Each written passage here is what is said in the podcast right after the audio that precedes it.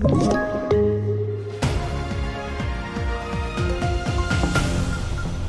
TV4-nyheterna börjar med uppgifter som kommit under morgonen om att Ryssland attackerat flera nya ukrainska städer. Bilder visar hur städerna Lutsk, Dnipro och Ivano-Frankivsk utsatts för bombanfall. Samtidigt fortsätter människorna i Ukraina att fly landet. Ett beslut som inte alltid är så lätt att fatta.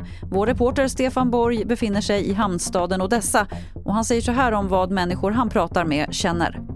De har ett jättesvårt beslut att ta. Ska man stanna eh, i det land som är under krig och kanske eh, få allting förstört eller ska man lämna landet och försöka börja någonting nytt? Det är den ständiga frågan och eh, människor är oerhört frustrerade men vi ser ju att det är så många som försöker fly och ta sig härifrån ska det handla om coronapandemin som uppskattas ha skördat 18,2 miljoner liv världen över. Det visar en studie i The Lancet. Och det är mer än tre gånger mer än vad tidigare data visat. Vi avslutar med något helt annat, nämligen ny forskning om hajar och huruvida de sover eller inte. Hajsömn har länge varit ett mysterium och forskare har utgått ifrån att de skulle drunkna om de somnar. Men nu har de hittat bevis på att vissa hajar går ner i en slags dvala samtidigt som de har ögonen öppna och fortsätter simma. Fler nyheter finns på tv4.se. Jag heter Lotta Wall.